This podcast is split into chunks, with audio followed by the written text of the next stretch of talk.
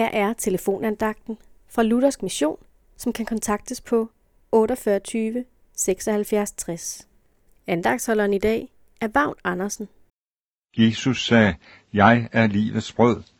Jesus har i Bibelen på mange måder karakteriseret sig selv og os, når han fortalte historier for at illustrere sine taler. Jesus ønskede at fortælle sine landsmænd det samme, som han vil fortælle os i dag, nemlig at vi har brug for noget til at fylde vort sind med, eller som vi også siger, fylde vort hjerte med.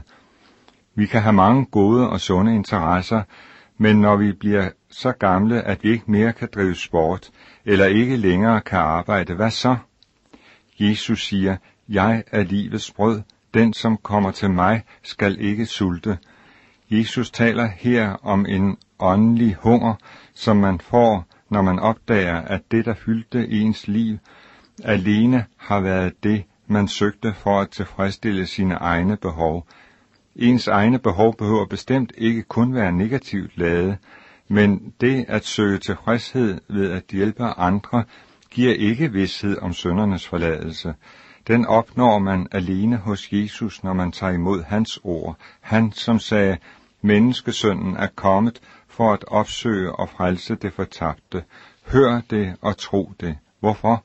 Fordi Jesus sagde, jeg er livets brød, den som kommer til mig skal ikke sulte, og den som tror på mig skal aldrig tørste.